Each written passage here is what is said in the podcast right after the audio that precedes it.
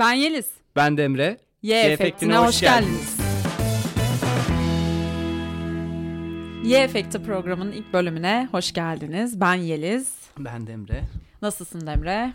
İyiydik. Nasılsın? Sen? Neden buradayız? Onunla başlayalım ilk. Biraz canım sıkıldı açıkçası.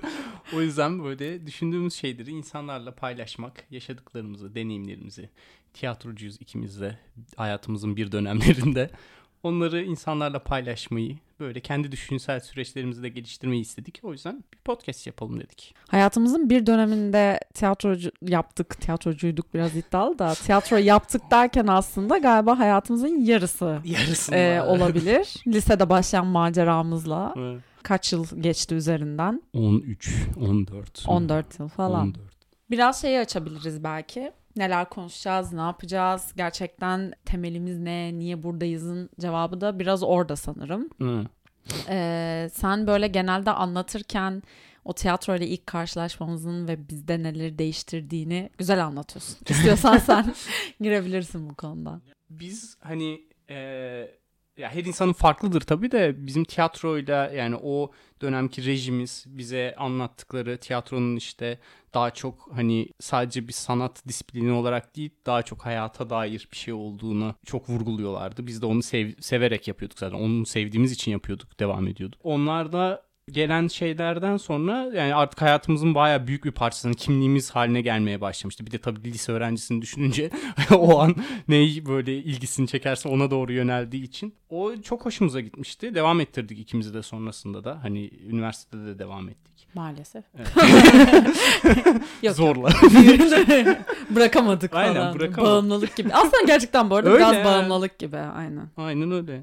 Ve o öyle oldu. Yani o oradan daha çok e, tanımlamaya başladık hani yaşadığımız şeyleri de hayatı da. Hani insan ilişkilerinde her şeyi ve bir şeyler bulduk yani oradan tanımlayabileceğimiz.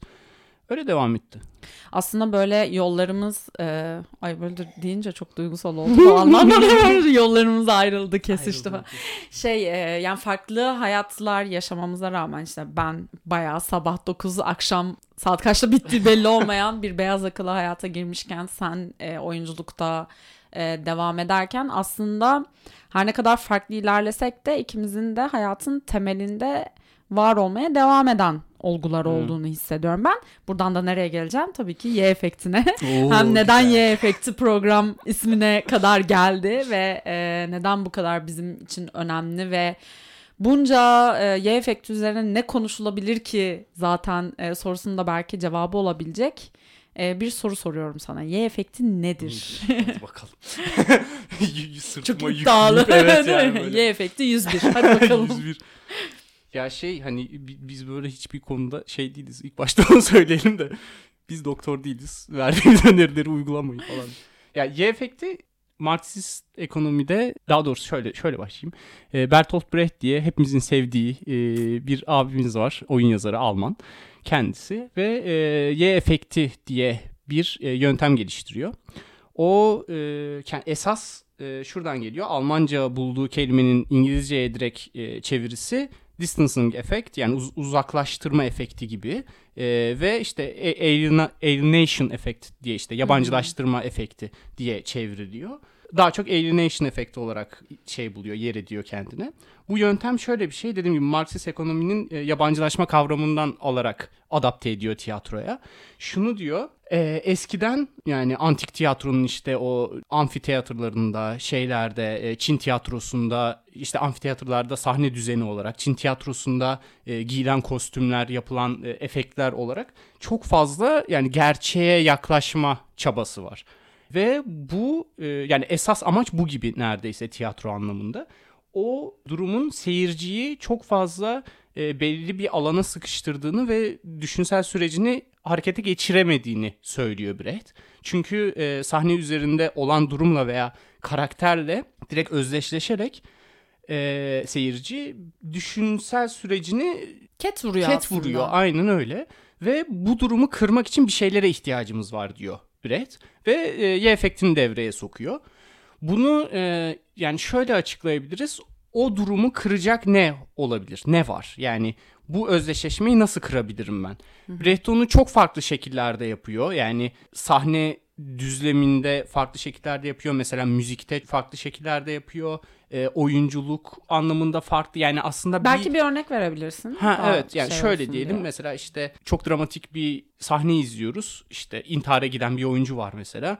O oyuncu e, intihar edeceği sırada e, işte her şeyini hazırlıyor, ipini bağlıyor tavana, e, sandalyesini çekiyor, üzerine çıkıyor. Seyirci işte ne olacak duygusuyla izlerken sandalyeye çıktıktan sonra aşağıya iniyor.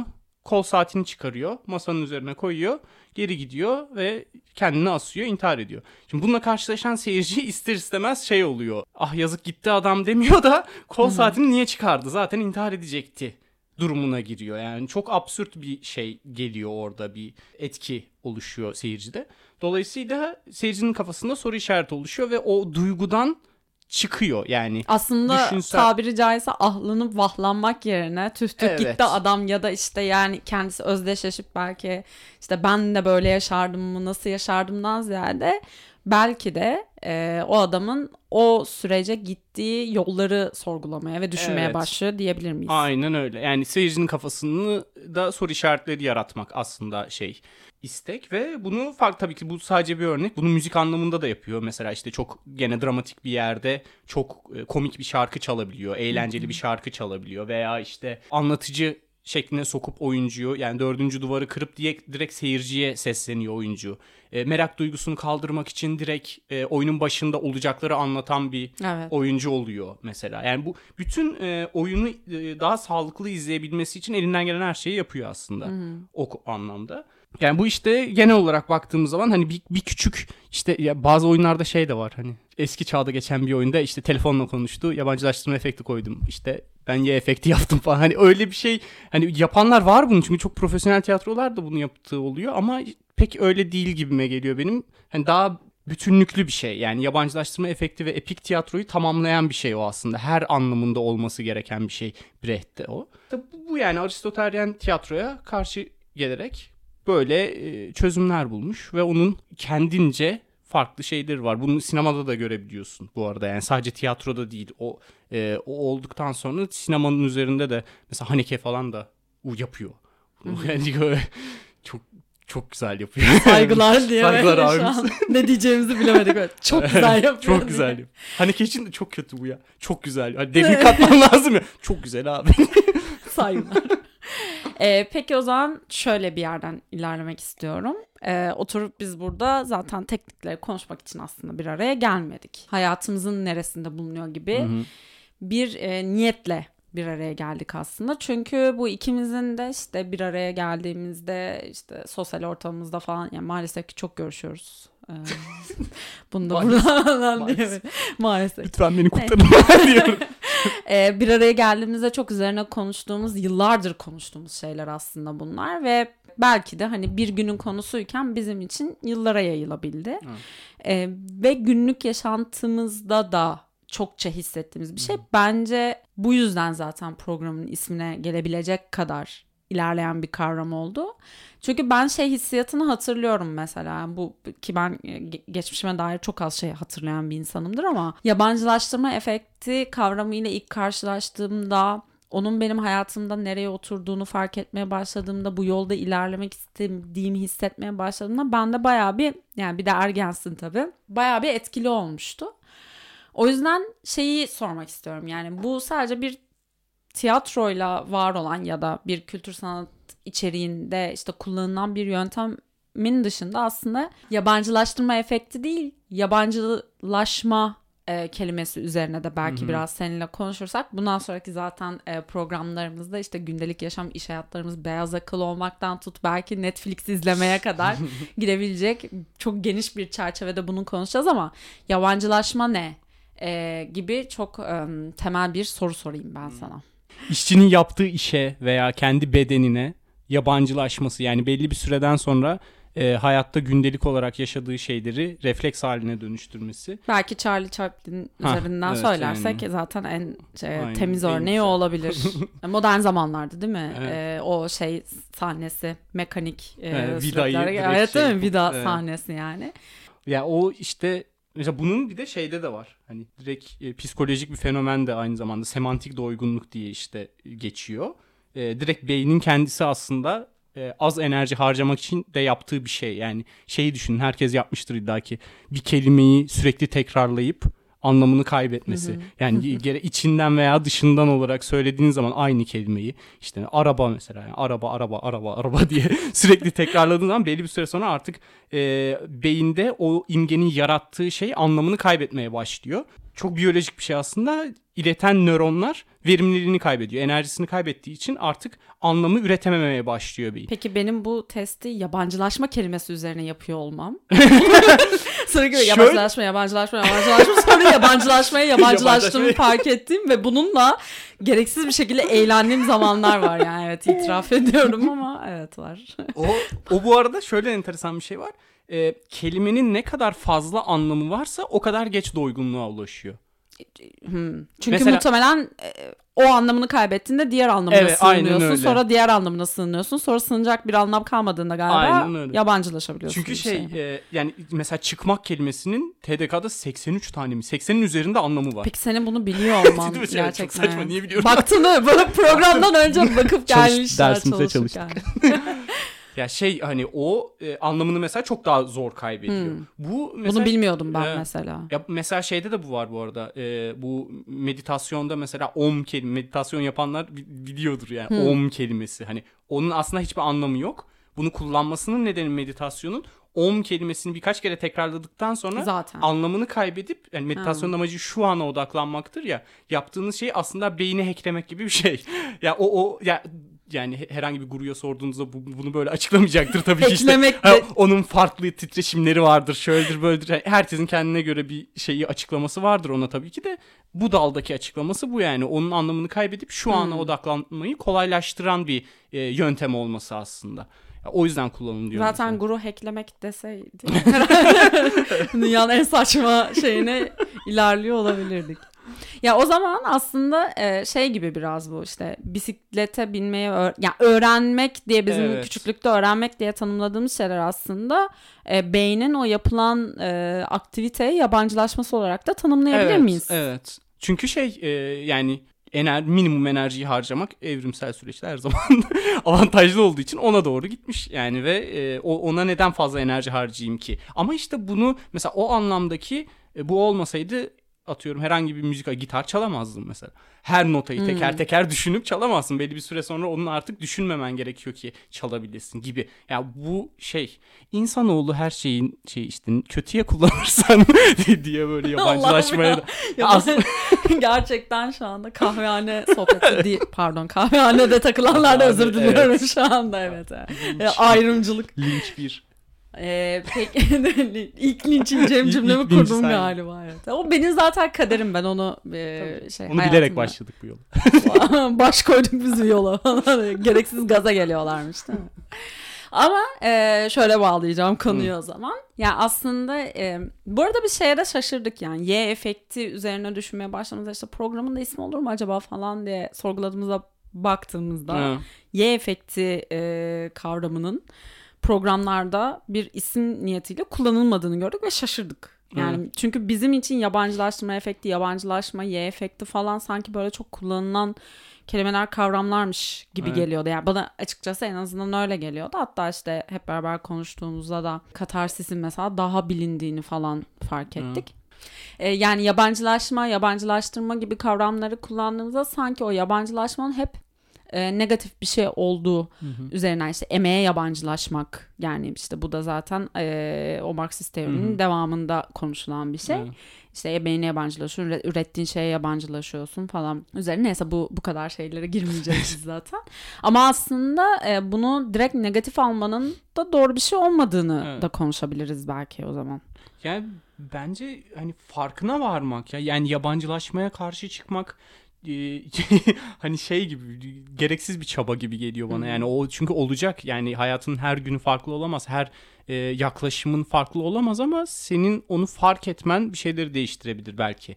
Yani eğer ki e, olumsuz bir yerine doğru gidiyorsa iş hayatından mesela baymışsan Hani onu fark etmek ve ni- niye bu hale geliyor deyip bir şeyleri değiştirmeye çabalamak bence çözüm olabilir gibime geliyor bilmiyorum. Burada çok e, kişisel bir yerden geleceğim. Bunu çok yakın zamanlarda konuştuğumuz bir şeydi. Ben böyle yani sıkıldım işte bir şeylerden. Burada ifşa ettim yalnız gerçekten.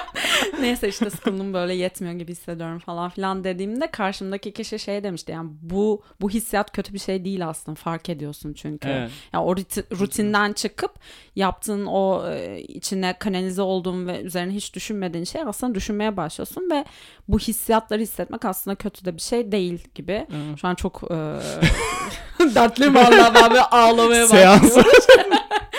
bir seansta burada patlatalım doldu Yeliz Hanım diye. Lütfen gider misiniz falan. Ya aslında bence e, bizim bu kavramı bu kadar sahiplenmemiz ve işte yani atıyorum bu kavramla biz 13-14 yaşlarında tanıştıysak ve şu anda üzerinden 14 yılda geçtiyse yaşımız ifşa.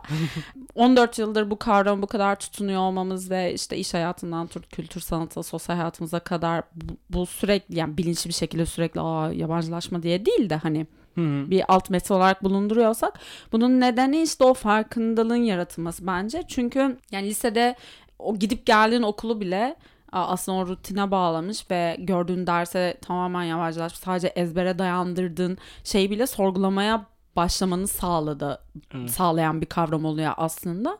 E, bence e, özellikle o yaşlarda e, bununla karşılaşabilen çocukların ben şanslı olduğunu düşünüyorum. Senin tarif ettiğin bir şey var yani bunu illaki tiyatroyla yapmak zorunda değil. Evet. Onu bence şey yaparsan söylersen Evet. ben şu an Ya, mutlu olurum. yani. Biz hani ona e, tiyatro yaptığımız için tiyatroyla karşı tiyatroyla birlikte tanıdık onu. Ama hani bu şey demek değil yani hani tiyatro her şeyin e, anahtarı tiyatrodur. Her şeyi ha öyle öyle bir şey değil. Başka insanlar başka şekillerde de çözebilir. Bizimki öyle denk geldi. Hani o yoksa tiyatroyu kutsallaştırdığımız veya bütün her şeyin anlamı orada gibi bir şeyimiz yok da e, bizim için öyle ama yani biz biz oradan çok fazla beslendik. Yani bizim kişiliğimizi oluşturmasını çok fazla katkı sağladı. Ya o yüzden bu kadar seviyoruz zaten. Yapmaya da devam ediyoruz. İşte eksikliğini gördüğümüzde şey gibi dönüyoruz tekrar yani oraya. O yüzden yani bence şu yüzden de önemli. Mesela yani o, o sanat anlamındaki sadece sanat anlamında değil. Çünkü oradan e, etkilenilen şeyler senin bütün hayatını işliyor. Yani senin küçüklüğünden beri izlediğin belki filmler yani her, herhangi bir şey o eğer yapı varsa altyapı senin nasıl düşünmeni veya bu anlamda düşünmemeni sağlayan şey oluyor. İşte o bahsettiğimiz şey seyirci ne kadar özdeşleşirse bir e, karşısındaki e, yapıyla o kadar düşünme sürecine e, şey vuruyor. Yani dolayısıyla biraz daha orayı açmak, biraz daha farklı düşünmek o anlamda e, güzel. Mesela işte o sinema şeyinde o Haneke'yi izlemeyen varsa spoiler vereceğim biraz ama Hangisi? E, Funny Games'ten. Ya orada mesela hani ki şey ya benim e, çok çok sevdiğim en, en sevdiğim filmlerinden bir tanesi. Mesela o bütün film boyunca şiddeti sanki böyle bir e, sopanın ucundaki havuç gibi seyirciye Hmm. gösteriyor. Yani bir şiddet var ortada. Duygu olarak onu hissediyorsun ama o öyle bir noktada ki hiç e, sana tam olarak vermiyor onu. Yani mesela işte e, eve girenler e, çocuğun kafasına bir yastık geçiriyor. Bir boğma sahnesi izleyeceksin zannediyorsun ama izlemiyorsun. Yani hep böyle bir rahatsız ediyor ama tam da vermiyor o hissi. E, hatta arada işte o dediğimiz direkt tiyatrodaki yöntemleri de kullanıyor. Direkt oyuncular e, kameranın içine içine bakıp seyirciyle birebir diyalog kuruyor. Bir şeyler anlatıyorlar onlara. E, ama bunun en güzelini şeyde yapıyor işte e, o katarsisi yaşatma mesela bu Aristotelyen tiyatronun hani başat şeylerinden bir tanesidir yani hani en kuvvetli silahlarından birisidir bu özdeşleştirmeyi sağlamadaki. E, o hani bir, bir noktaya kadar işte serim olur, e, bir karışıklık olur, bir nok doğru doruk çıkar çıkar çıkar, karmaşıklık artık en uç seviyesine pike doğru gider ve oradan sonra yavaş bir hani en yüksekten bir aşağıya doğru bir seyircide şey hani katarsiz bir boşalım süreci gibi bir şey yavaş yavaş böyle bir e, inen aşağı doğru inen bir haz yaşar seyirci onu izlediğinde. O onda e, o şiddeti hep böyle minimal minimal ufak ufak attıran e, filmde bir sahnede o en ikonik sahnelerinden bir tanesi e, siz, seyircinin çok sinir olduğu uyuz olduğu o eve giren iki tane kişi e, bir, bir, bir sahnede gardlarını düşürüyorlar ve kadın bir tüfeği alıp bir tanesini vuruyor ve bütün e, neredeyse şey o da kana bulanıyor. ve o an e, seyirci o boşalımı yaşıyor ya yani o katarsisi. Hani o, o o insanlara karşı o öyle bir nefret besliyor ki oh be! diyor. Ama tam o noktada işte o Haneke o yukarıya kadar çıkardığı noktada o yavaş yavaş aşağıya bırakıp o hazzı yaşamasını seyircinin izin vermeden direkt uçurumdan aşağı atıyor seyirciyi ve e, diğer eleman e, odanın içerisinde kumandayı arıyor. Nerede bu kumanda? Nerede bu kumanda diyor. Sen ne yapıyor bu diye izlerken kumandayı buluyor. E, kendi filmini geriye sarıyor ve e, ortağının ölmediği sahneye gidip kadın elinden tüfeği alıyor ve gidiyor. Bunu e, mesela bildiğini yani yabancılaştırma efektini bildiğiniz zaman çok başka bir yere gidiyor işte. Hani muazzam bir şey oluyor sizin için. Ama bunu bilmediğiniz zaman mesela ben o filmi çok sevdiğim için böyle farklı sitelerde yorumları falan okuyordum. Ee, mesela bir tanesi şeydi. Bu ne ya tüfek sahnesi çok saçmaydı diyen bir arkadaş vardı. mesela evet olabilir o onun görüşü ama şey ya yani. O kadar hani, da herkesin görüşü olabilir ya, evet değil yani, bence değil mi? Hayır yani on, onun görüşü ama yani yapacak, yapabileceğim bir şey yok anlamında ha, diyorum. Evet, hani o, o, ama böyle şey hani onu bilmek işte baya bir başka bir haz veriyor sana. O katarsisi vermiyor belki gırtlağımızda bırakıyor ama onu bilmek de başka bir haz veriyor. Evet, sinemada da mesela böyle bunu mesela Haneke'yi izleyip başka bir atıyorum Marvel filmini izlemek arasındaki fark bu yani. Marvel filmini izlediğim zaman ben açıkçası e, artık herhangi bir çok severim bu arada evet, yani sen, Marvel Ben filmi... şu an zaten e, şok olarak dinliyorum yani nasıl yani boklayacak mı? Hayır, çok severim ama şöyle bir şey var artık şeyden sıkıldım yani. Hani gerçekten bunu abartmak için söylemiyorum ama hangi sahnede artık bu sahneden sonra kötü adam çıkacak bunu biliyorum ya yani gelecek. Yani bu sahnede gelecek diyorsun iki saniye sonra geliyor. Hani bunu bilmek artık hani şey olmuş durumda.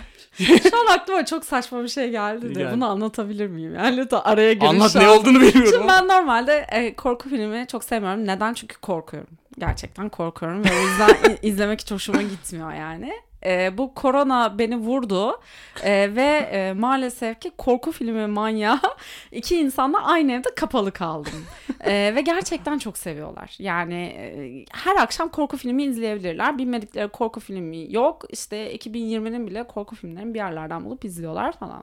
Neyse ben de bu şeye girdim tabii ki bir gün ama benim için sağ olsunlar daha böyle psikolojik gerilim korku e, tadında bir film e, izliyoruz. Bu arada yani işin geyi bir tarafa Görünmez Adam'ın yeni çekimini izledik. Hı. Tabii ki o klişe korku filmlerinden değil ve ben bu arada çok da beğendim film yani. Ee, orada da ciddi bir katarsis yaşatıyordu. Arada buna da ihtiyacımız var değil. Neyse orada böyle şey arkadaşım e, Anıl işte şey böyle her sahneden önce şimdi şu olacak Şimdi bu evet. olacak. İşte mesela bir tane kadın duruyor dışarıda falan işte şey e, soğuk havalarda buhar çıkar ya böyle. Hmm. İşte öyle bir buhar çıkar. Şimdi dedi ikinci arkadan ikinci buhar çıkacak dedi. Bir anda orada buhar belirdi. Allah'ım biz filmi dört kişi izliyoruz. Ben en sonunda sinirlendim yani ki ben hani aslında korkmak istemiyorum. Bilsem daha iyi. Korkmayacağım ya ama hiçbir zevki, zevki kalmadı. en sonunda şey dedim ya yeter tamam spoiler gibi. Yani şeyi o kadar biliyor ki artık Canlı o spoiler. matematik yani. Evet. Şey diyor şimdi şuradan şöyle olacak. Bu buradan çıkacak falan. E dedim niye izliyoruz işte. ki? Sen neyinden keyif alıyorsun sen? Zaten bu kadar ezbere hani hı hı. bu filmlerin bu kadar matematiğini biliyorsan. Bu bu arada gerçekten çok zevk meselesi. Hani buna hiçbir şey söylemiyorum hı hı. ama benim çok sevdiğim bir tarz değil. E, Marvel'da da yani o dünyalarda evet. da aslında çok benzer bir şey aslında var. tam olarak bu bahsettiğim şey yani hackleme denilen şey o yani denklemi bulmuşlar çözülmüş Sadece başka şekillerde koyuyorlar onu. Yani o yüzden biliyorsun bu kadar hep ka- maruz kaldığın bir şey olduğu için. Dolayısıyla senin nasıl düşünmen ve düşünmemen şeyini de etkiliyor bir nebze izlediğin şeyler gibime geliyor benim. O işte hani mesela o işte Marvel'daki karakterlerin e, şeylerini DC'nin Marvel'ın hepsinin çizgi romanları muazzam. Hani oradaki karakterlerin hikayeleri çok güzel.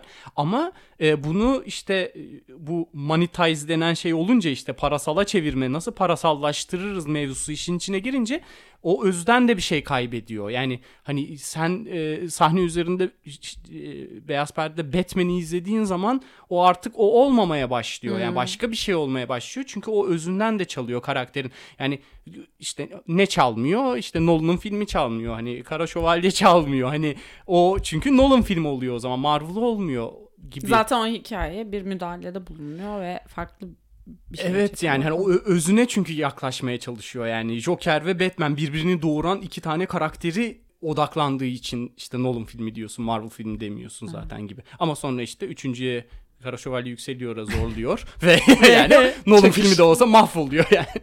Ay O film yüzden- konusu açtın. Ee, ben buradan çıkamayacağım ve bir fikir daha ortaya atıp bir şey daha soracağım. Belki de o zaman bu yani son dönemlerde diyeceğim de tabii böyle 3-5 yıllık bir süreçten bahsetmiyorum. Çok uzun yıllardır işte diğer dedeki diğer arkadaşlarla da bu son bir konuşmuştuk hatta bu üçlemeler işte Hobbitler, Hmm. Yüzüklerin Efendileri, işte Harry Potter'lar falan üzerine de bayağı bir konuşmuştuk da e, orada da mesela işte üçlemeler, altılamalar falan gibi filmler var. Ama hepsinin aslında temel kurgusunda işte o kahraman hikaye çemberinin tamamlanması işte doğuşu falan filan gibi bir çember klişe Hı hı. şey var. Aslında çok klişe hikayeler Ee, ama bir yandan da seyir zevki acayip yüksek ve ama şurada bir acaba şu şeyim mi bulundu da bu filmlerde bu yüzden tuttu. Çok yüzeysel bir şey söylüyor da olabilirim ama e, hikayeyi uzatma imkanı olduğu için bir yandan da e, o arada insanları şaşırtabilecek yani o klişe işte adımları daha da uzatıldığı için araya bir sürü farklı yollara gidebilecek ufak hikayeler de konulduğu için e, izleyeni de şaşırtabilecek bir kurgu aslında ortaya konuluyor. Bunun tabii ki işte o felsefe, mitolojiden faydalanmalar, farklı dünyalar, kurgulamalar, insanlar oraya işte adapte etme, bunun romanları falan gibi şu an bir sürü dinamiği göz ardı ederek bir şey söylüyorum. Ya belki de e, çıkış yolunu orada bulmuşlardı ve o yüzden bu üçlemeler falan o dönemde bu kadar Hmm. tuttu ve hala bu arada. Yani ben e, geçen gün de söyledim yine söylüyorum. Yani her yaz e, bir kere Harry Potter, bir kere Yüzüklerin Efendisi, bir kere Hobbitleri izleyen bir evet Ha. izleyen bir insan olarak o ayrı bir konu ama belki de bu yüzden yani oradaki mini triklerle Bağlamak. o klişeyden ara ara çıkarıp ama sonunda da tabii ki o Evet. klişe, klişe dünya klişeyi bu arada kötü anlamda kullanmıyorum yani. Şey. Kötü kullandı. Neyse e, bayağı dağıldık. Allah Marvel, sinemadan Marvel'dan bakalım. sponsorluk alamayacağız. Şimdi ne yap? ya Allah kahretsin. Hep benim hatam ya. Bu programda ne olursa bütün kötü şeyler benim hatam. Buradan da duyurum olsun. Bu çocuğa yüklenmeyin. Bu çocuğun ekmeğiyle oynamayın. Yarın öbür gün lazım olur. Bir reklamında oynaman gerekir Değil mi? Evet bir, ya. bir şey olur falan. ben bu konuda bileyim. yorum yapmak istemiyorum. Değilsen diye. öyle evet sıyrılabilirsin. Bütün kötü Gereksiz. yorumları ben yapabilirim. evet o zaman e, yani aslında şeye bize böyle oraya tutunma şeyini veren tüm bu konuştuklarımız aslında belki de. Yani bu kavramı bir şekilde orasından ya da burasından e, biliyor olmak ve Hı hı. bunu hayatımızın her alanına işte ne yani bir film izlerken de ben yani benim sinemayla ilgilenmem e, lisedeki tiyatrodaki insanlarla keşfettiğim filmlerle başlamış bir şeydi. Yani o ana akım diyebileceğimiz filmlerden ayrılıp başka yollara gitmek ya da aynı şekilde tiyatroda da öyle Hı. yani farklı bir şeyleri arıyor olmak. Çünkü diğeri o kadar rutine bağlayan ve senin ya hayır ben bunu görmek istemiyorum e, ba- bana daha başka bir şey lazım Hı hı. başka bir şeyler daha olmalı mı? sloganlardan biri vardı mesela lise tiyatrosunda. Dedirtecek kavram aslında oydu. Bu bu arada işte şey yani bizim bu programdaki amacımız yani bu kavramlar bizim gündelik hayatımızda nerelere denk geliyor'nun Hı hı. sorusunun cevaplarından biri de o yani. İş hayatında da mesela. Yani yabancılaşmak nereye oturuyor bir beyaz yakalıda? Bundan kurtulmak nasıl kadar mümkün? E, gibi sorulara kadar varabilecek bir şeye geliyor. Bilmiyorum sen ne demek istersin.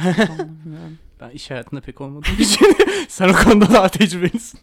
Ama yani mesela şey e, bunu ilerleyen programlar daha detaylı konuşmak isterim ben forum tiyatro mevzusunda Evet. falan da.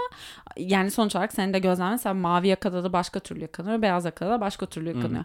Neyse e, bugün bu, bu kadarlık tamam deyip bir sonraki programlarda daha e, gündelik hayatımızda nerede vuku bulunuyor yürümekten tutalım da Evet. evde yoga yapmaya kadar Netflix'te oturup 10 saat içerisinde 10 bölüm izlemeye kadar gibi e, yabancılaşma kavramı nerelerde duruyor konuşmak dileğiyle diyorum Evet. o zaman. Senin söylemek istediğin bir şey var mıydı? Yok yabancılaşmadan kalın.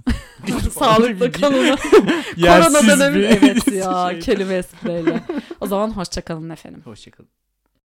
Fugamundi sundu.